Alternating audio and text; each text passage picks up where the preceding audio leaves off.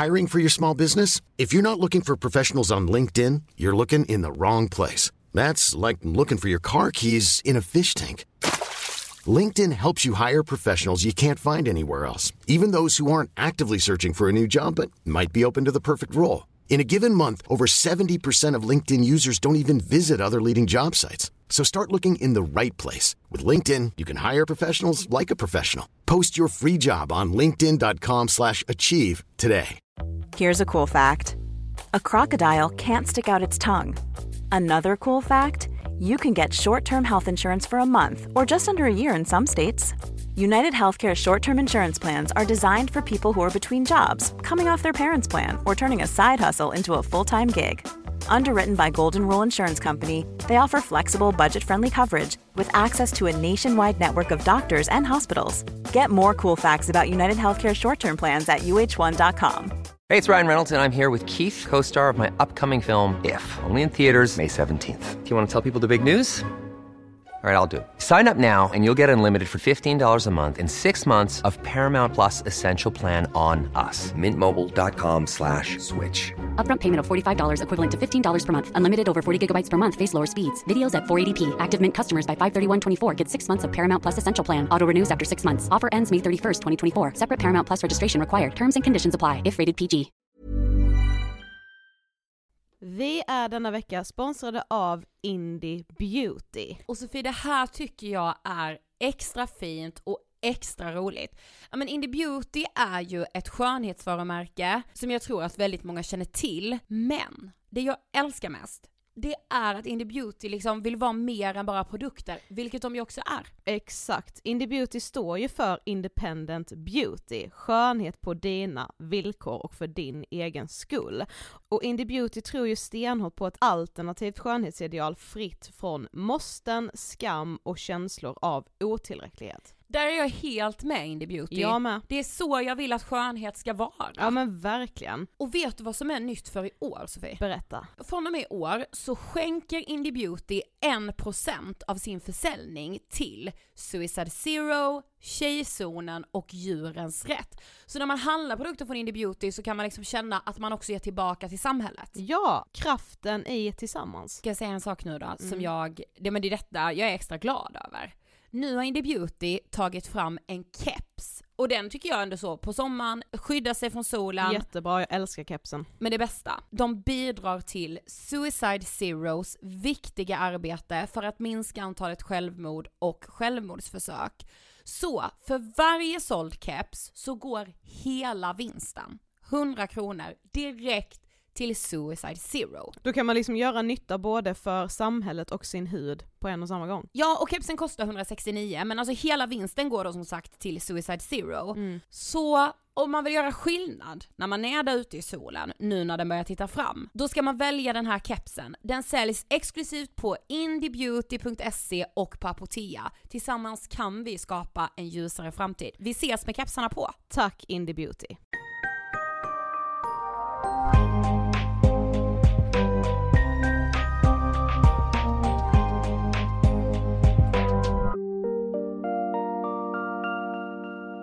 Hej allihopa och varmt välkomna till avsnitt 457 av Ångestpodden. Hej på er! Hej på dig! Varför är alla sjuka just nu? ja, tråkigt ämne men ja, jo. Nej men förlåt, men jag, alltså jag är så, gud, alltså jag upplever ändå någon pandemilikt. Ja, men det är, man, alla blir ju inte heller så jättesjuka, man blir bara så lite sjuk. Vet du varför? För att vi är vaccinerade! Ja, jag kommer prata om en sak i Frågan är på måndag, men jag vill Aha. in och toucha det lite redan nu. Du vet redan nu vad du ska prata om på måndag du. Det vet jag och det har jag vetat i två dagar. Okay. Jag har lyssnat på första delen av Svenska Dagbladets podd Blenda, eh, en ny eh, dokumentärserie de gör mm. i tre delar om, den heter Yoga Girls vilda förlossning. Yes. Eh, och den här, eh, jag har lyssnat på första delen som sagt, mm. vilket har eh, skakat mig, måste jag säga. Och jag är, ehm, Ja men då ska jag med lyssna innan måndag så vi kan diskutera. gör gärna det. Ja. Eh, och det är såklart min fält att prata om gravida kvinnors vara eller icke vara så att säga. Mm. Nej men alltså hur man, hur man förhåller sig och så vidare. Men det här tyckte jag var eh, omskakande och eh, något som jag tror kan vara farligt. Ja, jag såg när eh, Rakel är det väl hon heter va? Mm. Yoga Girl. Eh, och hon som har gjort eh, den här eh, podddokumentären och sen en eh, läkare från förlossningsvården, de var med i Nyhetsmorgon i helgen, Mm. vilket jag såg och blev ju också Behöver jag säga att jag blev rasande, men det, ni som känner mig fattar ju att jag blev det. Men eh, ja, vi kan diskutera det mer på måndag. Vi behöver liksom inte... Men ja, jag vill bara tipsa om, om det här. Ja. Eh, Svenska Dagbladets podd Blenda och eh, Yoga Girls vilda graviditet. Yoga girl som vi säger. Absolut. Men du, idag ska vi ju podda om skilsmässa. Ja, och jag är faktiskt väldigt, väldigt glad över det här avsnittet. För, ja men dels, vi har inte pratat så mycket, vi har ju pratat olycklig kärlek, eh, inte så mycket skilsmässa just, och inte det här manliga perspektivet som vi får idag tack vare veckans gäst. Får jag dra mig till minnes när eh, vi bestämde att vi ville bjuda in Christian, för Ja, jag visst. minns det som väldigt, väldigt starkt. Ja. Vi brukar ju få mail från olika bokförlag och sådär, det här är våra nya böcker, detta ges ut i höst och detta ges ut, alltså sådär. ja, vilka vill ni träffa? Ja men exakt, Mm. och vi brukar ju läsa allt såklart och vissa saker fastnar man för, vissa fastnar man inte för. Eh, man får enormt mycket. Mm. Men jag tyckte liksom att det här stack ut när jag läste om boken Upplösningstillstånd av Christian Down, som alltså är dagens gäst. Och så läser jag följande. Är du rädd för att förlora Sara? Parterapeutens ord gör Christian rasande. Vad då förlora? Att övervinna svårigheter är en del av deras gemensamma berättelse, den som pågått med självklarhet sedan de träffades i Australien som unga vuxna. Gräla, absolut. Krisa, visst. Men skiljas, nej, det får inte hända. Mm. Och det var någonting redan där som bara sög in mig i den här berättelsen. Ja men också ju, alltså och det är väl liksom en liten sorg i sig att man så sällan hör män vara sårbara i Mm. sådana här situationer, vilket jag tycker är, eh, ja det är klart att det är, att jag leder även med dem, men det är ju också lite upplyftande på något sätt att få det perspektivet. Det är så jävla ofta kvinnor som eh, tar den rollen Mm. att prata om hur saker har känts jobbigt och piss och att man liksom har Och mått åt helvete. Framför allt kopplat till relationer ju. Precis. Men det är också något med Christians galghumor som jag är, alltså, jag älskar, alltså jag älskar men jag ju är helt den. tokig i det. Ja. Alltså det, det gör allting så mycket också enklare att prata om. Ja, precis. Så vi rullar intervjun med Christian Down om skilsmässa. Varsågoda. Hej Christian och varmt välkommen till Ångestpodden. Tack så hjärtligt. Kul att ha dig här. Ja men det ska faktiskt sägas att när vi läste om din bok, alltså det här var ju tidigt i våras, Mm. innan den hade kommit ut, då blev vi redan då så intresserade. Vi bara, alltså det här, Christian måste vara med i vår podd. Vi kände liksom det bara av, av beskrivningen av din bok. Hedrande. Vad var det, vad var det i beskrivningen som liksom kändes som ni blev taggade på? Men Jag tror faktiskt det var att det är en man som skriver om skilsmässa. Mm. Och skilsmässan liksom när det väl har hänt. Alltså pisset efteråt Mm. som man ju tyvärr måste ta i liksom. Ja, men ändå inte så i liksom en vy av att det här hände mig för fem år sedan, utan Mm. att det är här och nu när man läser liksom. Ja men bra. För det var ju det som gjorde att jag ville skriva den och så hoppades jag att det också skulle vara det som gör att man vill läsa den. Mm. Eh, ja det, det är helt avgörande faktiskt. Jag tror Annars hade jag faktiskt inte varit taggad på den här boken. Nej. Nej. Men du ska få berätta för våra lyssnare, för de som inte vet, vem är du? Vad jobbar du med? Vad gör du? Jag är eh, från Helsingborg från början, bott i Stockholm sedan eh, 17 år nu. Eh, och eh, har eh, sedan, vad blir det, 15 år tillbaka jobbat som journalist. Alltid frilans med undantag för några vikariat som redaktör. Så har jag valt att frilansa just för att få göra, ja ska man säga, det, det jag vill egentligen. Mm. Långa berättande texter om massa olika grejer. Och och kunna få skriva för olika tidningar så inget ämne är liksom otänkbart. För du har skrivit en del för Filter va? Ja, det, Filter är en sån väldigt danande uppdragsgivare som s- Den kom ju också, den var helt ny på marknaden när jag, när jag var ny. Vilket Ja. var väldigt bra för det var exakt det jag ville göra och, och innan det fanns det inte riktigt. Så den långa berättande journalistiken hade jag blivit förälskad i när jag pluggade i Australien. Så kom jag hem Ah. till Sverige så bara, ah vilket flyt, nu kommer Filter, det blir jättehett med långa berättande reportage. Ja. Mm. Eh, där kring 2008-2009. Mm. Så det var lite lyckoträff. Ja. Och sen dess har det liksom varit min nisch som gjort eh, att man kan få in en del uppdrag i och med att det alltid varit det jag drillat. Mm. Ja, mm. Vad tänker du på när du hör ordet ångest? Jag tänker att man ska vara försiktig med det. Det är nog först jag tänker att jag är en sån som drar mig för, eh, liksom, för- jag vet att folk kan bli stötta, när, folk som har riktig ångest. Mm. När någon säger att jag har ångest för eh, Det är det söndag här. idag. För jag vet inte vad jag ska på mig eh, när jag träffar eh, Måns på torsdag. Ja. Kan inte ha svart t-shirt igen. så jag, jag tänker på det, men med det sagt så använder jag begreppet ganska frikostigt. Ja. Eh, möjligtvis dagligen faktiskt. Ja. Det var ångest, nu känner man lite mm. Ångest, kemisk ångest, ångestfyllt. Jo men det har, det har funnits eh, ångest i mitt liv, eller närbesläktade tungsinnen i alla fall. Mm. Eh, tror jag att jag är hyfsat bekant med. Men jag har liksom aldrig, aldrig fått någon sån lapp av doktorn. Att ja, det är det du har. Nej. När man längtar efter. ja, precis. Frikortet som ursäktar Ja, allt. Ja. Eh, alla beteenden bakåt och allt framåt. Men som sagt så är du ju aktuell med boken Upplösningstillstånd. Ja. Eh, rapport från en skilsmässa och det är ju din egen skilsmässa, vilket ju är väldigt sårbart. Mm. Vad, alltså vad var det som fick dig att faktiskt skriva den här boken? Ja, det börjar med en fråga från Svenska Dagbladet där jag då just då hade en av dessa praktiker som är ett undantag i min frilanstillvaro.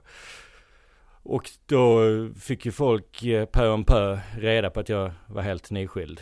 Det var inget jag skrek ut men när man väl satt ner och snackade lugnt med folk så berättade jag det. Och det sa de, men gud, du borde ju nästan skriva om detta sen liksom när du, när du har landat och så. Och det var just då jag fick den tanken, ah, Ja, ett tänkte jag väl, det vet jag inte alls om jag faktiskt kan eller vill. Men sen när- när, de orden yttrades, sen när det har landat, så kom jag på det. Men vänta ett tag, jag är skitarg. Hela tiden skitarg på, på de här, det vi pratade om när vi sågs här utanför. Ja. Att eh, alla bländvita leenden som har genomgått ett trauma och f- förvandlat det till eh, ett framgångskoncept som man eh, inte sällan tjänar pengar på. Eh, En och så- styrka. Ja, ja, nej men det har blivit, det har blivit en formel som jag i vissa fora har kritiserat till exempel P1 Sommar för.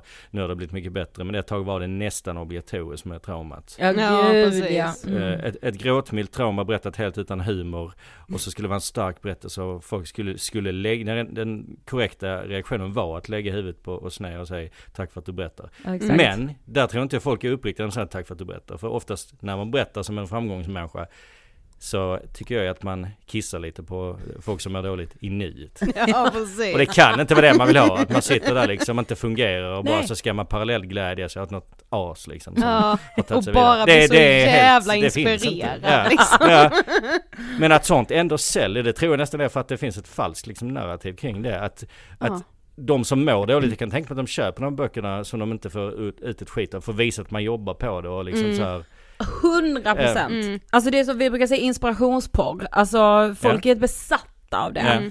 Men egentligen så tror jag inte man reflekterar över, ger det här mig någonting? Nej men så köper man också för att som du säger, man ska kunna säga till alla runt omkring en att ja men jag försöker ju i alla fall. Ja, Men man, jag mår ju fortfarande skit. Ja. Mm. det är inte inspirerande Nej. liksom. Nej men det är precis, det är den falska sårbarheten liksom. De Mm. falska profeterna, det har faktiskt alltid irriterat mig.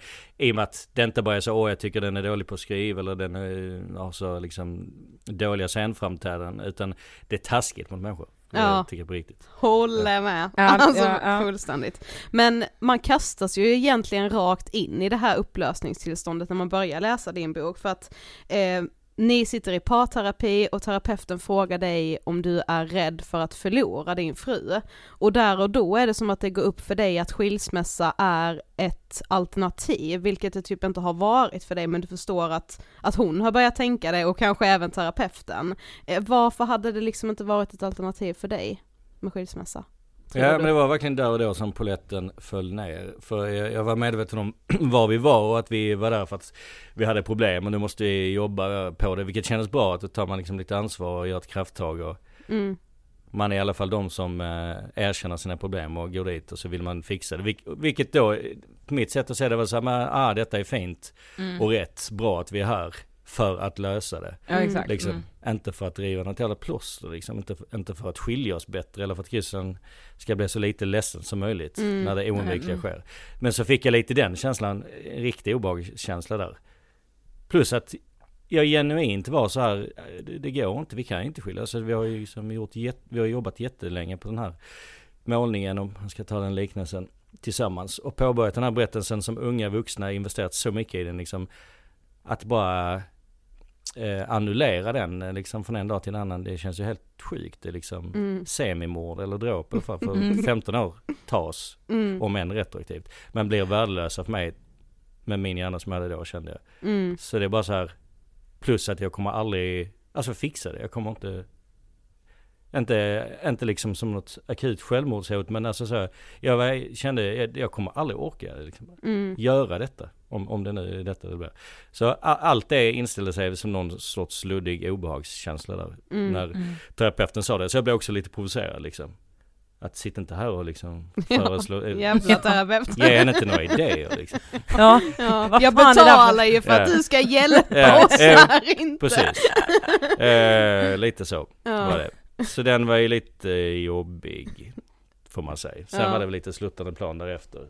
Mm. Jag hade en annan inställning till eh, parterapeutsoffan där. Det var mest Ja det är så här man gör när man har bestämt sig. Mm, ble, mm. Det var sånt som inte jag visste riktigt. Att det här är väldigt vanligt att så här börjar man avsluta liksom. Mm. Ja, precis. Mm. Men alltså även om boken är, alltså den är ju sorglig, men man skrattar ju också när man läser den för den är ju liksom tragikomisk. Mm. Eh, bland annat om, så skriver, och jag älskade ju detta, men när du skriver att om hur livet inte är något jävla yasuragi. eh, och att småbarnsåren gör att romantiken blir lite eftersatt. Alltså hur såg er relation ut just under också småbarnsåren? Det var småbarnsår, så det var ju de tuffaste åren. Det, liksom, Mm. det var det, eh, det vidrigaste skruvstädet på något sätt. Man var, eh, man hade som lägst kapacitet, som störst sömnbrist. Mm. Eh, och, och som minst liksom utrymme att ha en relation.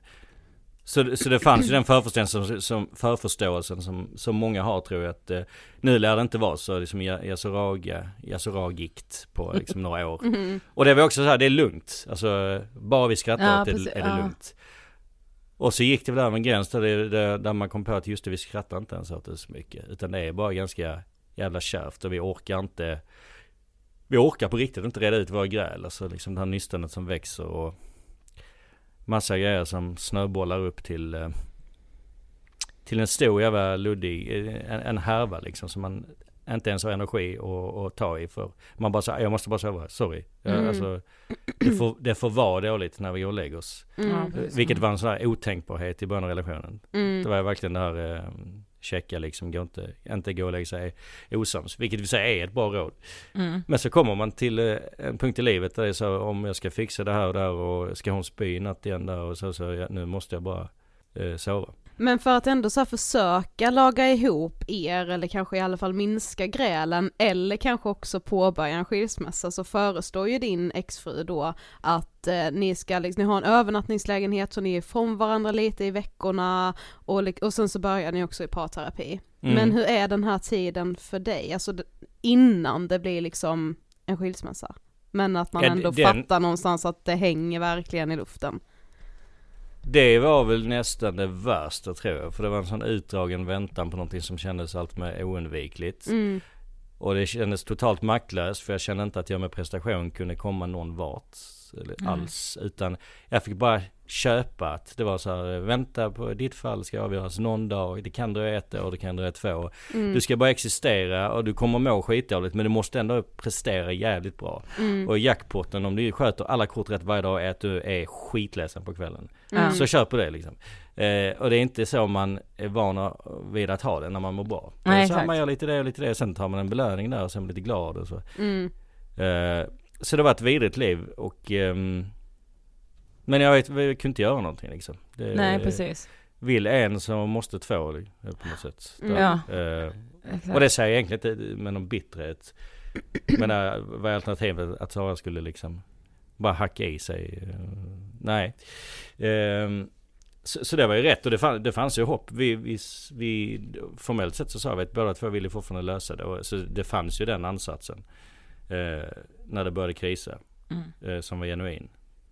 Tror jag. Eh, men... Ehm, ja det var, det var den värsta tiden. Sen, sen Sen, och sen pikade med själva när orden yttras sen att det verkligen händer. då kommer de här overklighetskänslorna och chock liksom. Men eh, jag skulle säga en, sen dagen efter eh, så började det inte bli bättre. Men, men det är så här, ah vad skönt att jag i alla fall vet. Det är lite, Ja. Mm. alltså sjukt nog som någon som får dödsbud. Ja, exakt. Eh, Ingen jämförelse i övrigt men man har bara oroat sig och haft det skitdåligt. Och så får man i alla fall klara besked.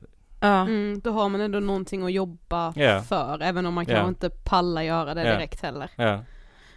ja för ovisshet är ju så jävla vidrigt. Mm. Ja.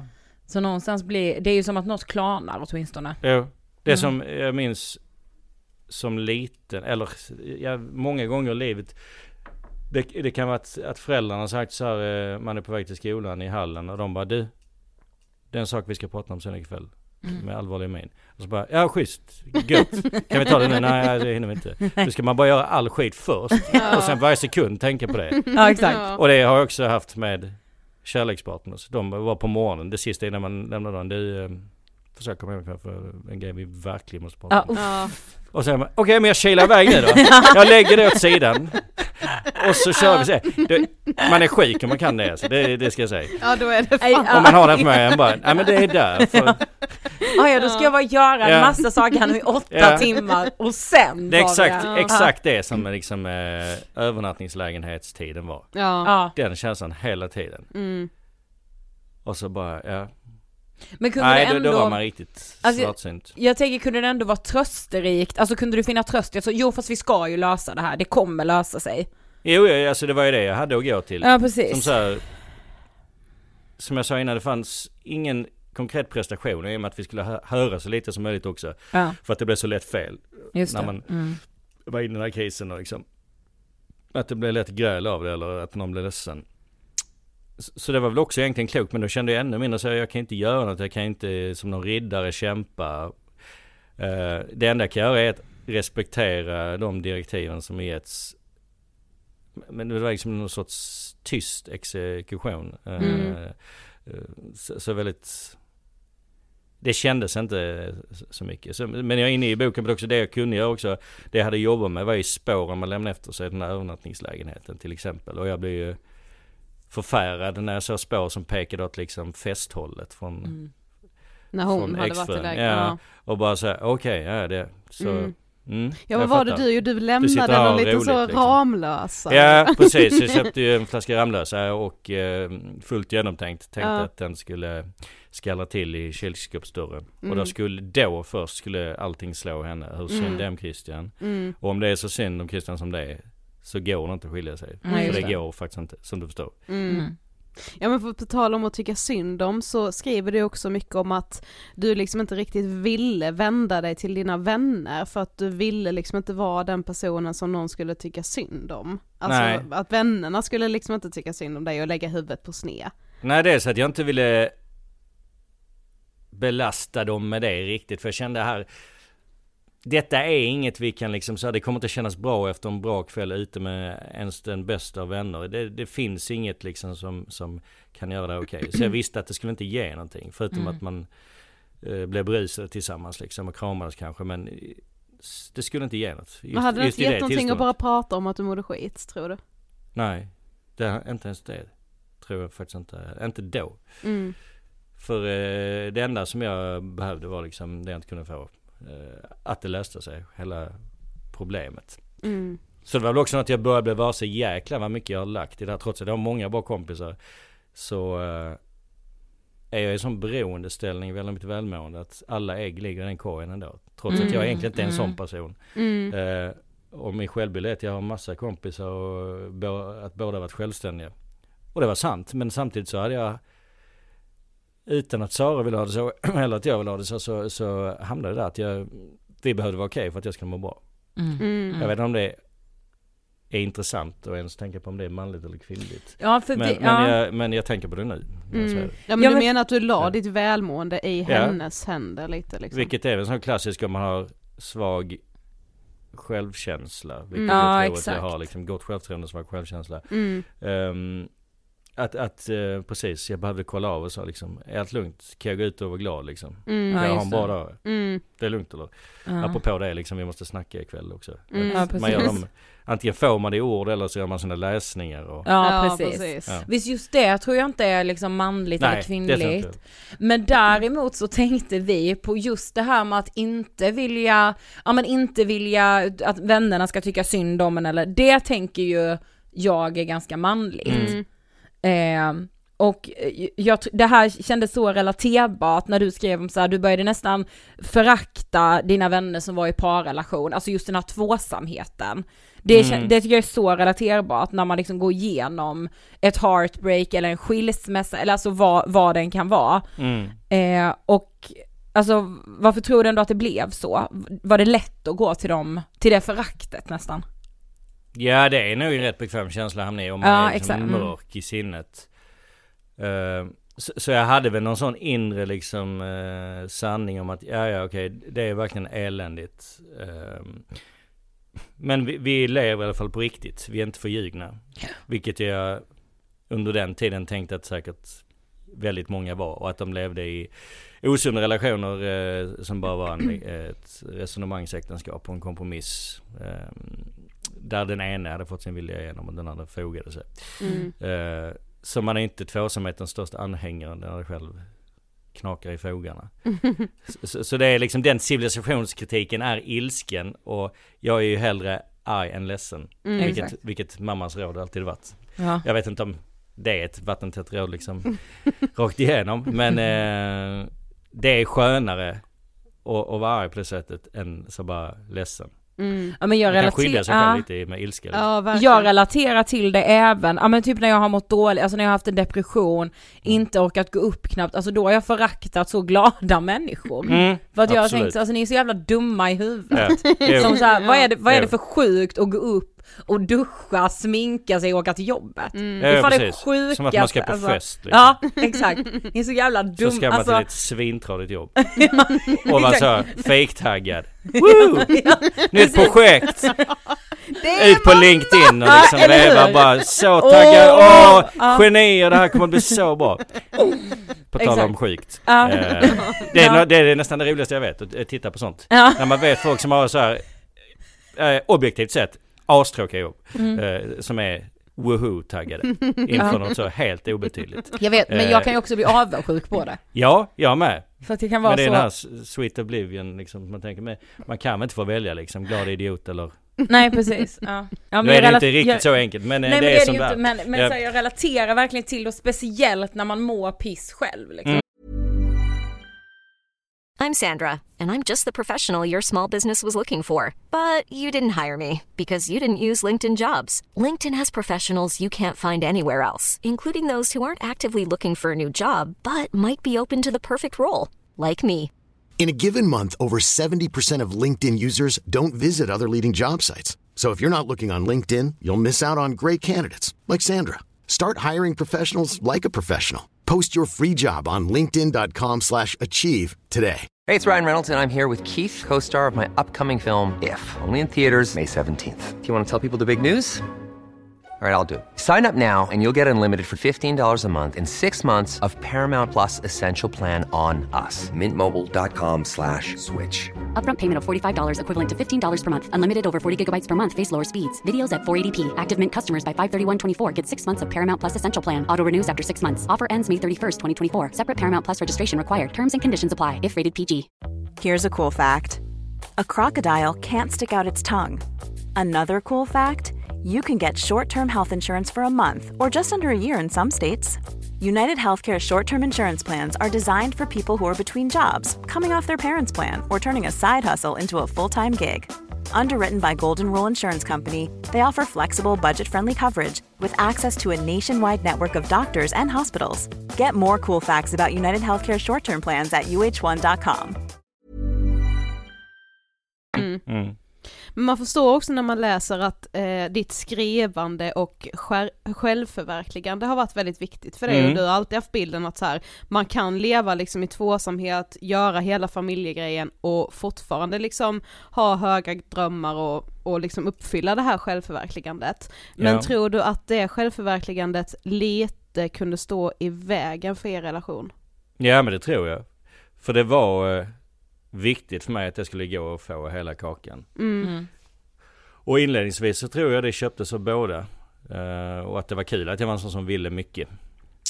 Men sen när det började kosta liksom i form av ekonomisk osäkerhet och förkortade semestrar som präglades av viss ekonomisk ångest från min sida och sådär. Och att man aldrig var totalt närvarande för att man visste att det var något på mail när man behövde kolla och så. Mm. Jag fattar att det blev ett slitage av det. Mm. Samtidigt var jag så och jag visste det men, men så här, jag måste ändå trycka framåt här för att eh, annars kommer jag ändå inte vara kul att vara tillsammans med. Om jag bara säger, men vet Mm. du vad nu ligger jag nere. Nu har jag försökt liksom. Och det gick ju rätt bra. Jag har ju några tidningar att visa mormor här i lådan. Mm. Eh, så, så men, eh, men, men nu tar jag, nu tar Mm. jag det här eh, kommunikatörsjobbet Ja. på, ja men, men ehm, Nej det gick inte. Jag är helt jävla omöjlig med sånt. Men eh, sen är jag inte helt kompromisslös heller. Jag försökte. Jag, jag var ju medveten om detta. Jag hade dåligt samvete vilket inte ger någon någonting. Men eh, jag, varenda jobbresa jag gjorde som var jätteärlig hade jag också dåligt samvete. Mm.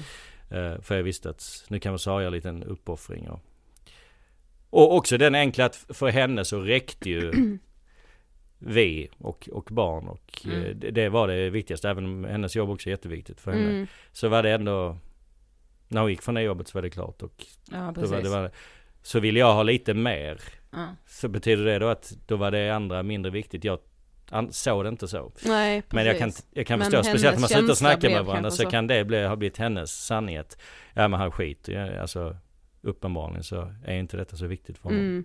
Medan jag tänkte, såg det inte så. Nej, Nej, precis. precis. Nej men för du skriver också att eh, hon nog upplevde att du slutade älska henne, så därför slutade hon älska dig. Ja, ja det är vad jag tror. Ja, eh, ja, vad som tänker du hände. om det idag? Om man Du känner tänk- så. ja. Mm. För, för det vet man ju av erfarenhet, det är ju rätt svårt att vara jättesugen på någon som man vet. Och, och bara ser på den andra. Att Mm. den inte är jättesugen på eh, en. Mm, så exakt. Det hör ju till sakens natur. Och det är vad jag tror hände ungefär precis. Mm. Det, det Mm. kostade i slutändan. Och jag insåg det för sent. Att Mm. eh, här är det, var det så illa. Jag trodde bara att det handlade om mild misskötsel som gick att reparera. Ja, Ungefär Mm. så. Och det skulle vi göra hos den här parterapeuten. just det. Så var det något jag skulle tweaka lite på. Annars var allting störtskönt. Nej, men det var, ja. Så nu får man göra det eh, efter fullbordat faktum istället, den eh, okulärbesiktningen. Exakt. själv. Mm.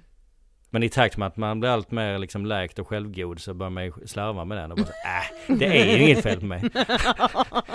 Det behövs inte någon självrannsakan. Nej precis. Jag är ju rätt härlig. Ja, ja.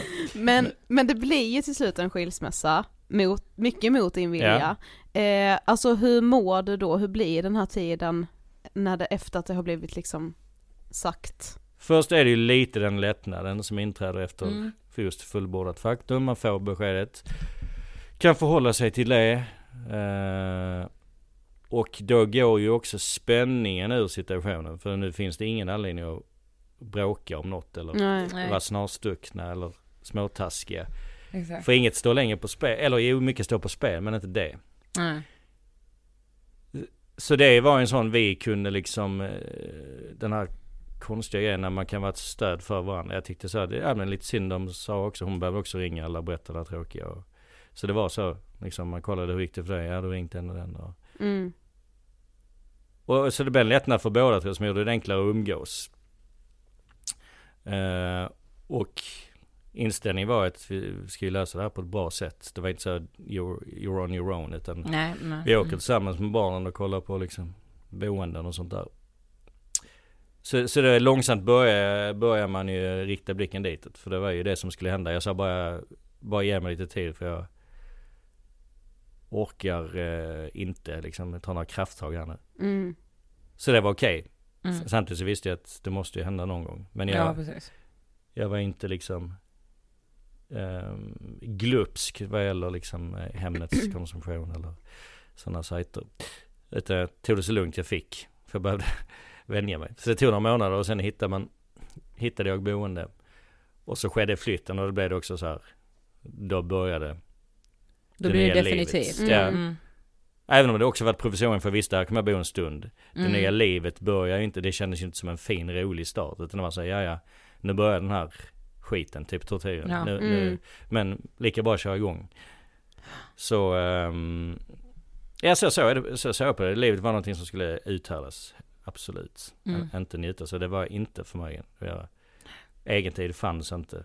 För jag var ingen, jag var ingen gottis som ville götta mig. Jag var helt ointresserad av att och liksom äta eller dricka gott eller liksom njuta sånt. Det var helt liksom, herregud. Och folk som trodde det, så här, mamma ska du inte undan dig? Eh, Ja, vad som jag, ja. jag är inte kapabel. Alltså, Mm. Förstår du inte det eller? Eh, Nej för det får man ju, kan jag tänka mig att man får höra med så, åh nu har ju Ja. du tid för Ja. detta och du ska... ja, gud Tänk på dig själv, Ja. man bara jag vill inte tänka på mig själv alltså. Nej, det är det sista jag vill. Ja precis, jag äcklas. Så det är lite så, ja, okej, man märker mm, vilka som själv har genomgått och inte. På något sätt. Ja, exakt. Och det är jättevälmenande råd. Ja ja, eh, Jag precis. kanske också hade gett något liknande. Ja. Om inte jag, eh, utifrån det perspektivet. Att man Mm. säger så här. Men ska du inte försöka bara ha det liksom riktigt bra? Ja. Du gillar ju det stället, gå dit och käka något lite och så... Ta det bästa på menyn. Ja, precis. unna dig. Men, ehm, nej det är väldigt slående att så är det ju faktiskt. Mm. Man utar det ju bara, helt enkelt. Och sen, um, särskilt jag utan barnen. Sen med barnen så Ja, får man ju den här draghjälpen och de säger något fint som är att säga okej det är inte helt, är helt dumt ändå. Nej. Eh, Man, får- ja, man får mycket draghjälp, det blir ju helt tvärtom mot vad det bör vara. Den vuxna bör dra, dra barnen och bära dem. Mm. Men utan att veta det själva så bar de ju mig mycket med, Mm. med kärlek och sådana små ord som gjorde att man kände lite så fighting spirits. Mm. Ja, exakt. Och, och det är ändå vi liksom. Vi tre. Ja, Så- precis. Så, så det var ju, det fanns ju energi i det. Men sen Ja. försvann den helt, så nollades man helt när de drog därifrån. Ja. Så då blev det mer så här, då, ska- då ska man fly till något liksom. Mm. Nå, någonting. Ja för du skriver bland annat om liksom vargtimmarna, alltså Mm. den här dagliga kampen och det, den tycker jag är så Eh, men jag vet inte vilket ord jag ska använda, men den är så stark att läsa om för att eh, man nog har saknat att läsa om det, den vardagliga kampen. Mm. Mm. Ja för man pratar mycket om det här, första julafton, första midsommar, Ja, alltså precis. högtiden, Precis, men detta det är på är piss. vardagsnivå. Ja, Ja, men allt det här pisset emellan ja precis. Nej för mig var detta mycket mer påtagligt. Ja. Mm. Än någon högtid har varit. De har tvärtom, i och med att man har haft det på daglig basis så, Exakt. så, så undrar folk just kring det här, ja hur var nu första, vadå? Jo, ja nej alltså Mm. Precis. det var ju bara ännu en dag. Mm. Det är liksom lite, lite amatörernas afton tycker jag att eh, tro att man ska liksom rikta, man riktar ju så kraftig fokus mot enskilda högtider, gör mig som glad tror jag, laddar med Mm, förväntan och så ja. Som ledsen så laddar man inte oproportionerligt på samma sätt utan man smetar ut. Och, ja, Precis. På, på dagbasis som det våndandet eh, skedde. Mm. Men just det här med flykt och så, är alltså många, alltså när relationer tar slut så är det ju många som flyr in i annat, alltså Mm. det kan vara nya relationer eller sex eller jobb. Mm. Eh, hade du något sånt flyktbeteende? Alltså jag skulle säga eh, det sundaste var ju att bara jobba på. Även om Mm. man till och med kan, det, det kan någon komma liksom med en pekpinne och säga men Ja men gud nu, nu flyr Ja det är jag väl medveten om att jag gör men det finns liksom, det är inte kokain. Nej. Nej, Eh, nej. så- Så det var bättre. Och sen drack man absolut för mycket. För att det blev en sån, inte bara för att fly in i något rus. Utan också just att eh, då kunde man få vara med främlingar. Om man går på barer. Mm. Och som jag har skrivit om i andra texter så att, eh, att andra har skrivit om, som Rachel Cusk, som Mm. är, jättebra på skilsmässa också. Eh, Att liksom the comfort of strangers är verkligen någonting när man är man befinner sig i en parentes i tillvaron och så känner man liksom en eh, gemenskap med andra sådana nattdjur som också är Mm. på något sätt. Det är verkligen outsiderskap på riktigt. Det är väl det som är så liksom patetiskt och utskrattat. Men så här, det var de enda som jag kände så här, som jag ville ha med att göra liksom. Ja. Eh, så står liksom och shottar med drag queens på en källarbar.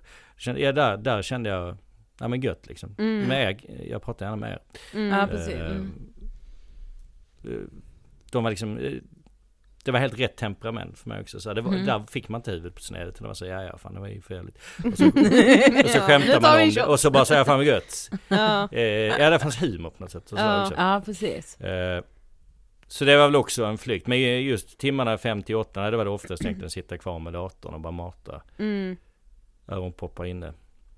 Men kunde du vara produktiv då liksom? Ja det, det var jag, Mm. absolut. Eh, och, och sen klockan åtta typ gå upp på skyddsrummet och bara Ah, nu är det lugnt och stilla. Nu är det samma för nu sover alla andras barn. Så nu kommer Ja, just nåd. Nåden sänker sig liksom. Ja. Mm. Lite över en. Så, så ja. Det är som en, precis som en solig dag är det vidraste som finns om man mår skit. Ja. Mm. Så är det så här, ah, Det nu försvann det här liksom. Ja. Som gör att jag är så uppenbart misslyckad och Mm. inte glad på Mm. den här glada dagen. Mm. Så, så, så var det typ varje kväll där vid åtta. Mm. Ja. Men många flyr ju också in liksom i nya relationer och förälskelse. Varför tror du det är så lätt att man gör det? Därför att det gör för ont och, och ta det rent. jag. Det, det gör ju verkligen det. Mm. Jag försökte också fly. Så det var inte så att jag satt där liksom som ett helgon och bara ge mig smärtan. Så ska jag rida den liksom. Eh, eh, utan jag försökte också fly den för jag orkade inte ta den så intensivt. Nej. Sen så trodde jag i teorin på att ta det rent liksom. Man ska Ja. inte döva sig själv om, om man inte måste för att överleva. Mm. Eh, då, det borde ju rimligen gå över snabbast om man går rakt igenom det liksom. Eh, så, så, och, jag, och jag har en ganska romantisk syn både, på vad då ett förhållande ska vara och hur viktigt Mm. det ska vara. Och när det då blev en skilsmässa så behövde det i alla fall bli väldigt viktigt för mig. Det, det här skulle, um, fick inte slarvas bort som livserfarenhet. Så det kände, Nej, det var mm. för någonting jag hade också så. Och brukar allvar med det. Det, Mm. det passar väldigt mycket min personlighet. Jag är romantiker på det sättet som man brukar säga. Mm. Att jag är väldigt mycket, ja men det har ni skrivit i boken också. Mer, du vet skjuta sig i skogen, skjuta sig i huvudet i skogen. Eh, när det tar slut med någon. Eh, som ryssarna, eh, längre tillbaks. Men ehm, eh, mer det än romcom. I, men i den bemärkelsen är jag verkligen romantik. Jag tar sånt på väldigt allvar. Ja. Mm. Och ehm, ja men väldigt såhär existentialist och ehm, man ska skapa sin mening och ta livet på allvar. Mm. Ja. Eh, så det känner jag, jag måste bruka allvar med det här och eh, ska man göra det så är det detta som gäller. Jag, jag får sörja långsamt. Eh, och när jag är klar så lär jag, det vet jag inte om, men när jag är klar så hoppas jag att det märks. Att man börjar känna så här, att det är lite tydligt. Så man inte behöver undra om man är glad. Ja, det. eller Mm. om man börjar bli.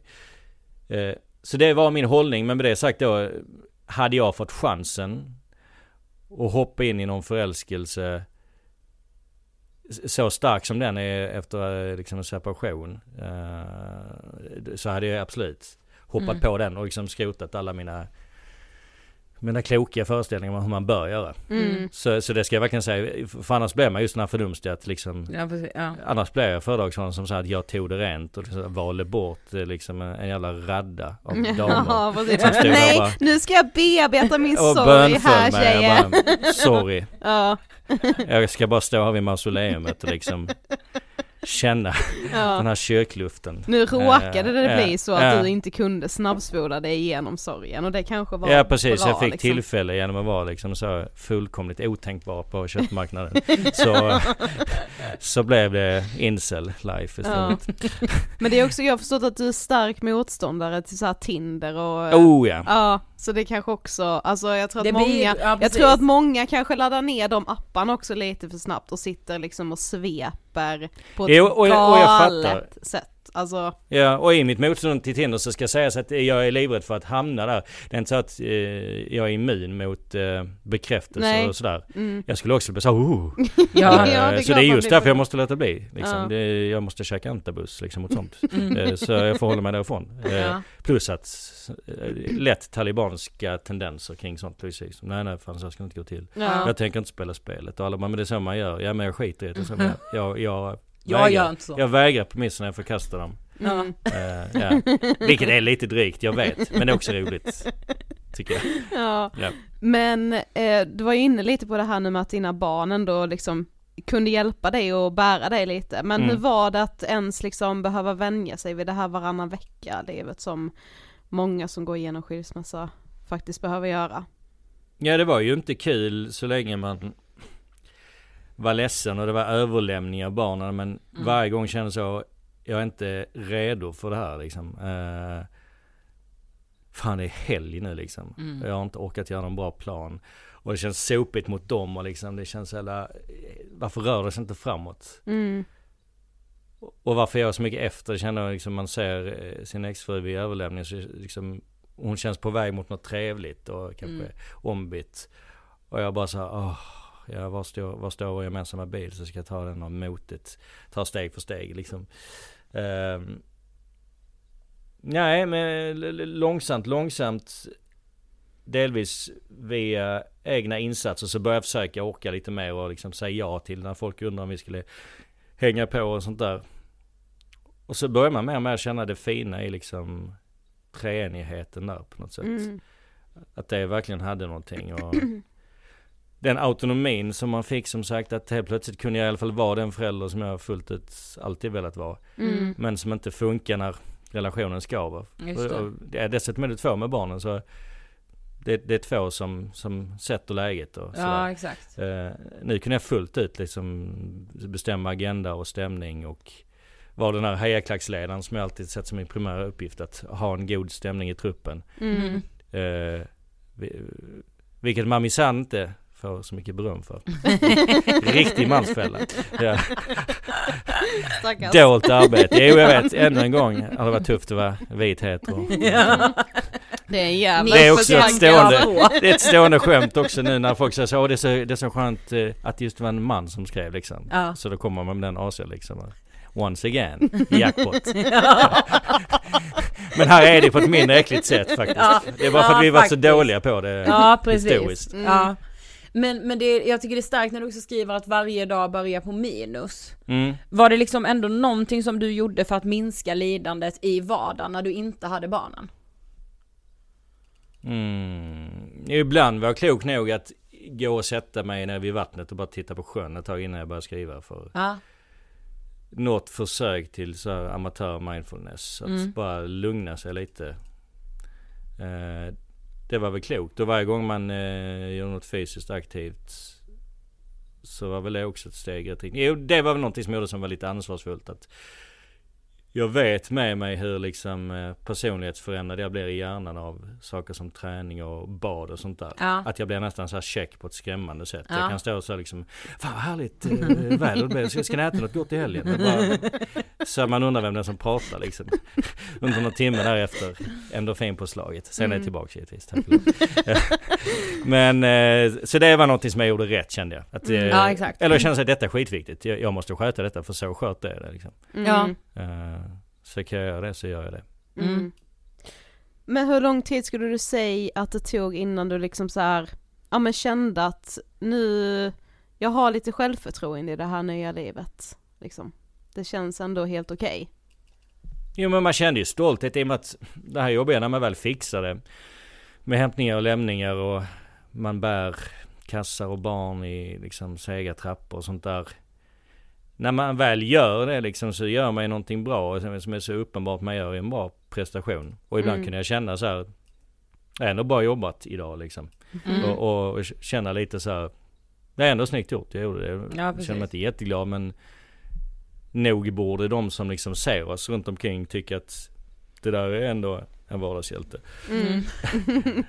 Eh, ja men lite sånt absolut kunde man väl eh, finna tröst i. För det är ju från att ha spelat ett spel där prestationen inte hjälpte så kunde man nu prestera och ja, få betalt för det. Mm. Ja exakt. Så man kände att ja, det gick ju bra. Det här skötte jag bra. Och lite sån dum stolthet i ja, jag, jag, jag kan inte så jävla bra på det här och det här och det här men eh, jag fixar ändå denna delen av livet fixar Ja. jag rätt så bra. Mm. Och ja, barnen är glada och de får äta goda grejer och vi levde på ett sätt som jag ville att vi skulle göra. Mm. Eh, Där dagen var öppen och eh, vi hade lite äventyr och så var städning kraftigt eftersatt och tvätt kraftigt eftersatt och sådär. Men eh, det var lite så, ja men attackera mig för det, det skiter jag fullständigt i liksom. Mm. Det viktigaste är bra. Ja men skulle du säga att sorgearbetet är färdigt? Bearbetning pågår fortfarande av allt som har hänt, det tror Ja. jag. Och som folk säger, det kanske gör hela livet. Att Ja man exakt. förhåller sig till det. Vad var det som hände där liksom? Precis. Men det blir ju nästan till slut som som att lösa en deckargåta som man nästan kan sitta och götta med- sig med. När man Ja. kanske är 60, till till och med träffas tillsammans. Ja. Och, och bara, vad var det som hände? Ja. Det var så konstiga år liksom. Och, och så är man jättebra kompisar. Det hoppas jag i och för sig. Det är nästan en målbild faktiskt. Ja. Att man tillsammans här hjälper varandra och, Och fatta. eh, och fattar vad som hände när man, Mm. då för länge sedan när man var så ung och så dum. Men, eh, men eh, nej sorgarbetet, ja men jag fick chansen att ta det rent. Och jag fick också den känslan eh, att, ja men vänta ett nu, nu börjar, nu börjar jag uppskatta eh, tiden utan barnen också lite. Mm. Just Eh, det. mer och mer. Det var väl den tidigaste indikatorn på att det började vända. Ja. Och hur lång tid tog det då? Det Innan tog två och ett halvt år ungefär. Så Ja. Början av förra året började jag känna mig glad för livet som det var. Vilket Mm. var också någon sorts, något mål jag formulerat för mig själv. Att jag jag måste vara glad för det jag har. Vändningen får aldrig komma med någonting som jag skaffar mig liksom. Ah. Någon precis. sak eller människa eller något sånt där. Utan jag måste, nej, jag måste lära mig uppskatta det, det jag har precis som det är. Mm. Och det gjorde jag då. Det Ja. var det liksom. Då gillade jag vårt lilla liv. Ännu, ännu mer med barnen, framförallt det med barnen. Liksom. Ja såklart. Men mer njöt av det liksom att, ja men nu är det nya och då hade, jag, då hade vi flyttat till en ordentlig lägenhet Mm. som var vår och där vi skulle bo längre än nio månader. Så det kändes så att man började få tillbaks självrespekten um, någorlunda. Mm. Och ja, kände att man uh, kunde ha liksom en sån poetiskt skimrande vardag rätt ofta. Mm. Mm. På simhallar liksom i parker och, ja men allt det fina lågmälda liksom. Det man, Mm. Exakt. Då man är som lyckligast i små, små skälvande ögonblick som är helt nästan omöjliga att återge. Men då det är liksom lyckopåslag. Mm. Ja. Men om man nu lyssnar på det här och kanske befinner sig i det här upplösningstillståndet eller att man kanske är ett år in i den här bearbetningsprocessen efter en skilsmässa. Eh, förutom att läsa din bok, eh, och nu behöver du inte komma med så tre snabba tips för vi avskyr det, men alltså Ja, hur ska man ändå eh, tänka för att eh, orka när man vaknar varje dag och det, allting ligger på minus liksom? Och inte då heller fly in i andra saker, utan orka vara i sorgen. Mm, nej, så det är sjukt svårt. Jag vet inte. Alltså, man landar lätt, lätt i en sån it gets better eh, Ja. sats. Och det är sant, Mm, men, ja. men den hjälper inte liksom. Nej. Nej. Och få höra det hjälper ingenting. Bara ja, det fattar jag teoretiskt, men det känns inte så. Jag tror inte på det. Mm. Så det är väl liksom hitta, hitta stödgrupp, stödgrupper eller stödpersoner. Ja. Ehm, hitta, hitta dem i böcker och filmer och musik. Uh, någonting som ger en sån känsla av, mm, det här smakar livet på mitt sätt. Mm. Eh, så, så man känner bara den att det finns andra.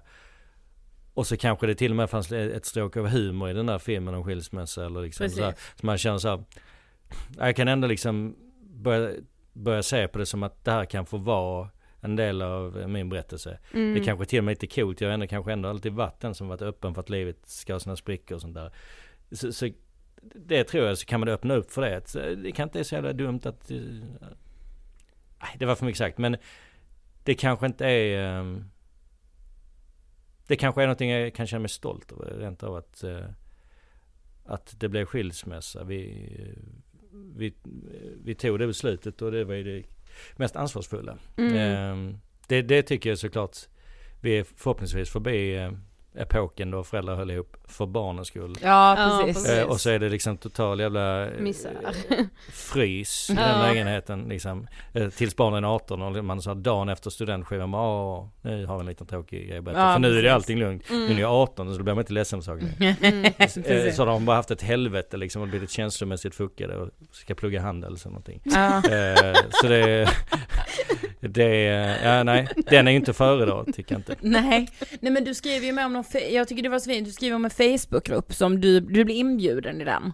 Eller hur är det? När du har skrivit den här krönikan i Svenska Dagbladet. Ja det är inte Facebookgrupp men det är som det, det är en gemenskap, egentligen en digital, eh, egentligen ja. bara responsen på artikeln som var väldigt fin och Ja. via Facebook och andra appar så välde vi en massa respons egentligen. Ja men det får, det var in- med det, ja, okej, men jag tänker det finns kanske Facebook, det- alltså det finns säkert liksom, Det är klart att det finns. Mm. Där har jag faktiskt inte letat, precis som jag aldrig sökte med ljus och lykta efter sådana här föräldragrupper heller. nej. Jag vet inte, jag har någon dum fördom om de som rusar till sådana. Jag vet inte. Ja.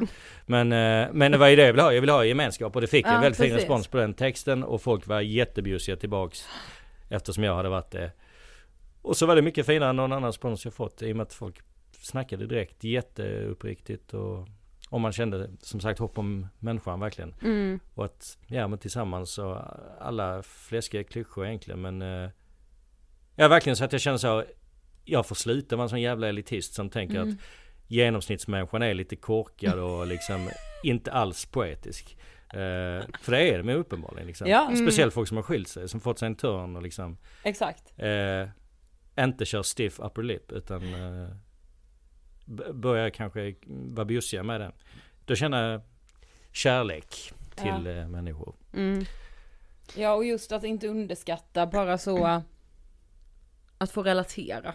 Nej nej precis Mm. Det var ju som sagt när man letade så efter böcker Det gör man ju nästan alltid man är inne på något kanske Så bara "Åh, det hade varit kul att läsa en bok om det här Nu var det Ja. inte den hobbynivån på det utan det var det Det hade varit skönt att få överleva så liksom ge mig fallskärmar Mm. nu Och så fanns det faktiskt då inte så mycket Vilket alla säger som ska göra reklam för en bok Ja jag tyckte det var Ja, lite fanns oskrivet ja, så du bara skrev Ja, Jag jag skrev skrev den jag själv hade Mm. velat läsa. Ja, och det är lite sant men det är äckligt att säga så, Ja. ja, ja, ibland får man Ja. vara lite äcklig. Ja, lite äcklig också. Bra bok, köp den. Ja. Men, ehm, ja nej men, eh, men så absolut. Det letar man efter och det betyder verkligen jättemycket när man hittar te- texter som kunde göra en morsk liksom. Mm. Ja, det är exakt. det man vill. Man vill inte bara vara helt eh, energilös och, och superledsen. Nej. Utan man, ja, det är inte konstigt som sagt att man går till lite ilska. Jag tycker det är nog till och med sunt för att då mår man lite bättre och orkar lite mer. Det blir, Ja, lite, så är mer, det. det blir Ja. lite mer jävlar anamma Ja. i det än i att bara ha liksom Så, tårar och ledsamhet. Så det här rätt barnsliga liksom eh, Den aversionen mot eh, tvåsamheten och de ännu intakta som jag kände Den är ju absolut barnslig och svartsynt Och övergående Men också så fanns det något sunt i den då i och med att jag kunde vara i den. Och det var en bättre känsla som gjorde att jag orkade mer än om jag bara skulle varit så här bottenlöst ledsen. Mm. eh, Och känt mig helt unik i hur liksom jag hade ställt till det Ja, Mm, precis. precis. då, då, då tycker jag det är ganska harmlöst att man eh, när man står i duschen har inre monologer eventuellt på engelska som jabbar mot tvåsamheten liksom. För engelska låter coolare. Ja, ja, klart. Så ni slipper undan. kan ha hänt. Vem vet. Ja. Vi har kommit till sista frågan. Vad Ja. inspirerar dig? Oh. Tillbaks till TV4 där. Mm. ja. Rakt in i Eh. soffan. Terrakotta gillar jag. eh. Nej, jag... Eh, vad inspirerar mig mest tror jag det är... Ja men det är nog faktiskt litteratur. Eh, Mm. I romanform helst, tror jag. Eh, där man känner, eh, här är någon som är liksom klokrolig om något svårt. Som inte skämtar bort, men som är rolig för liksom för mig är humor ett sätt att bryta allvar verkligen. Mm. Eh, Tack Ja. så jättemycket för att du ville gästa Ångestpodden. tack så hjärtligt, det var roligt. Tack.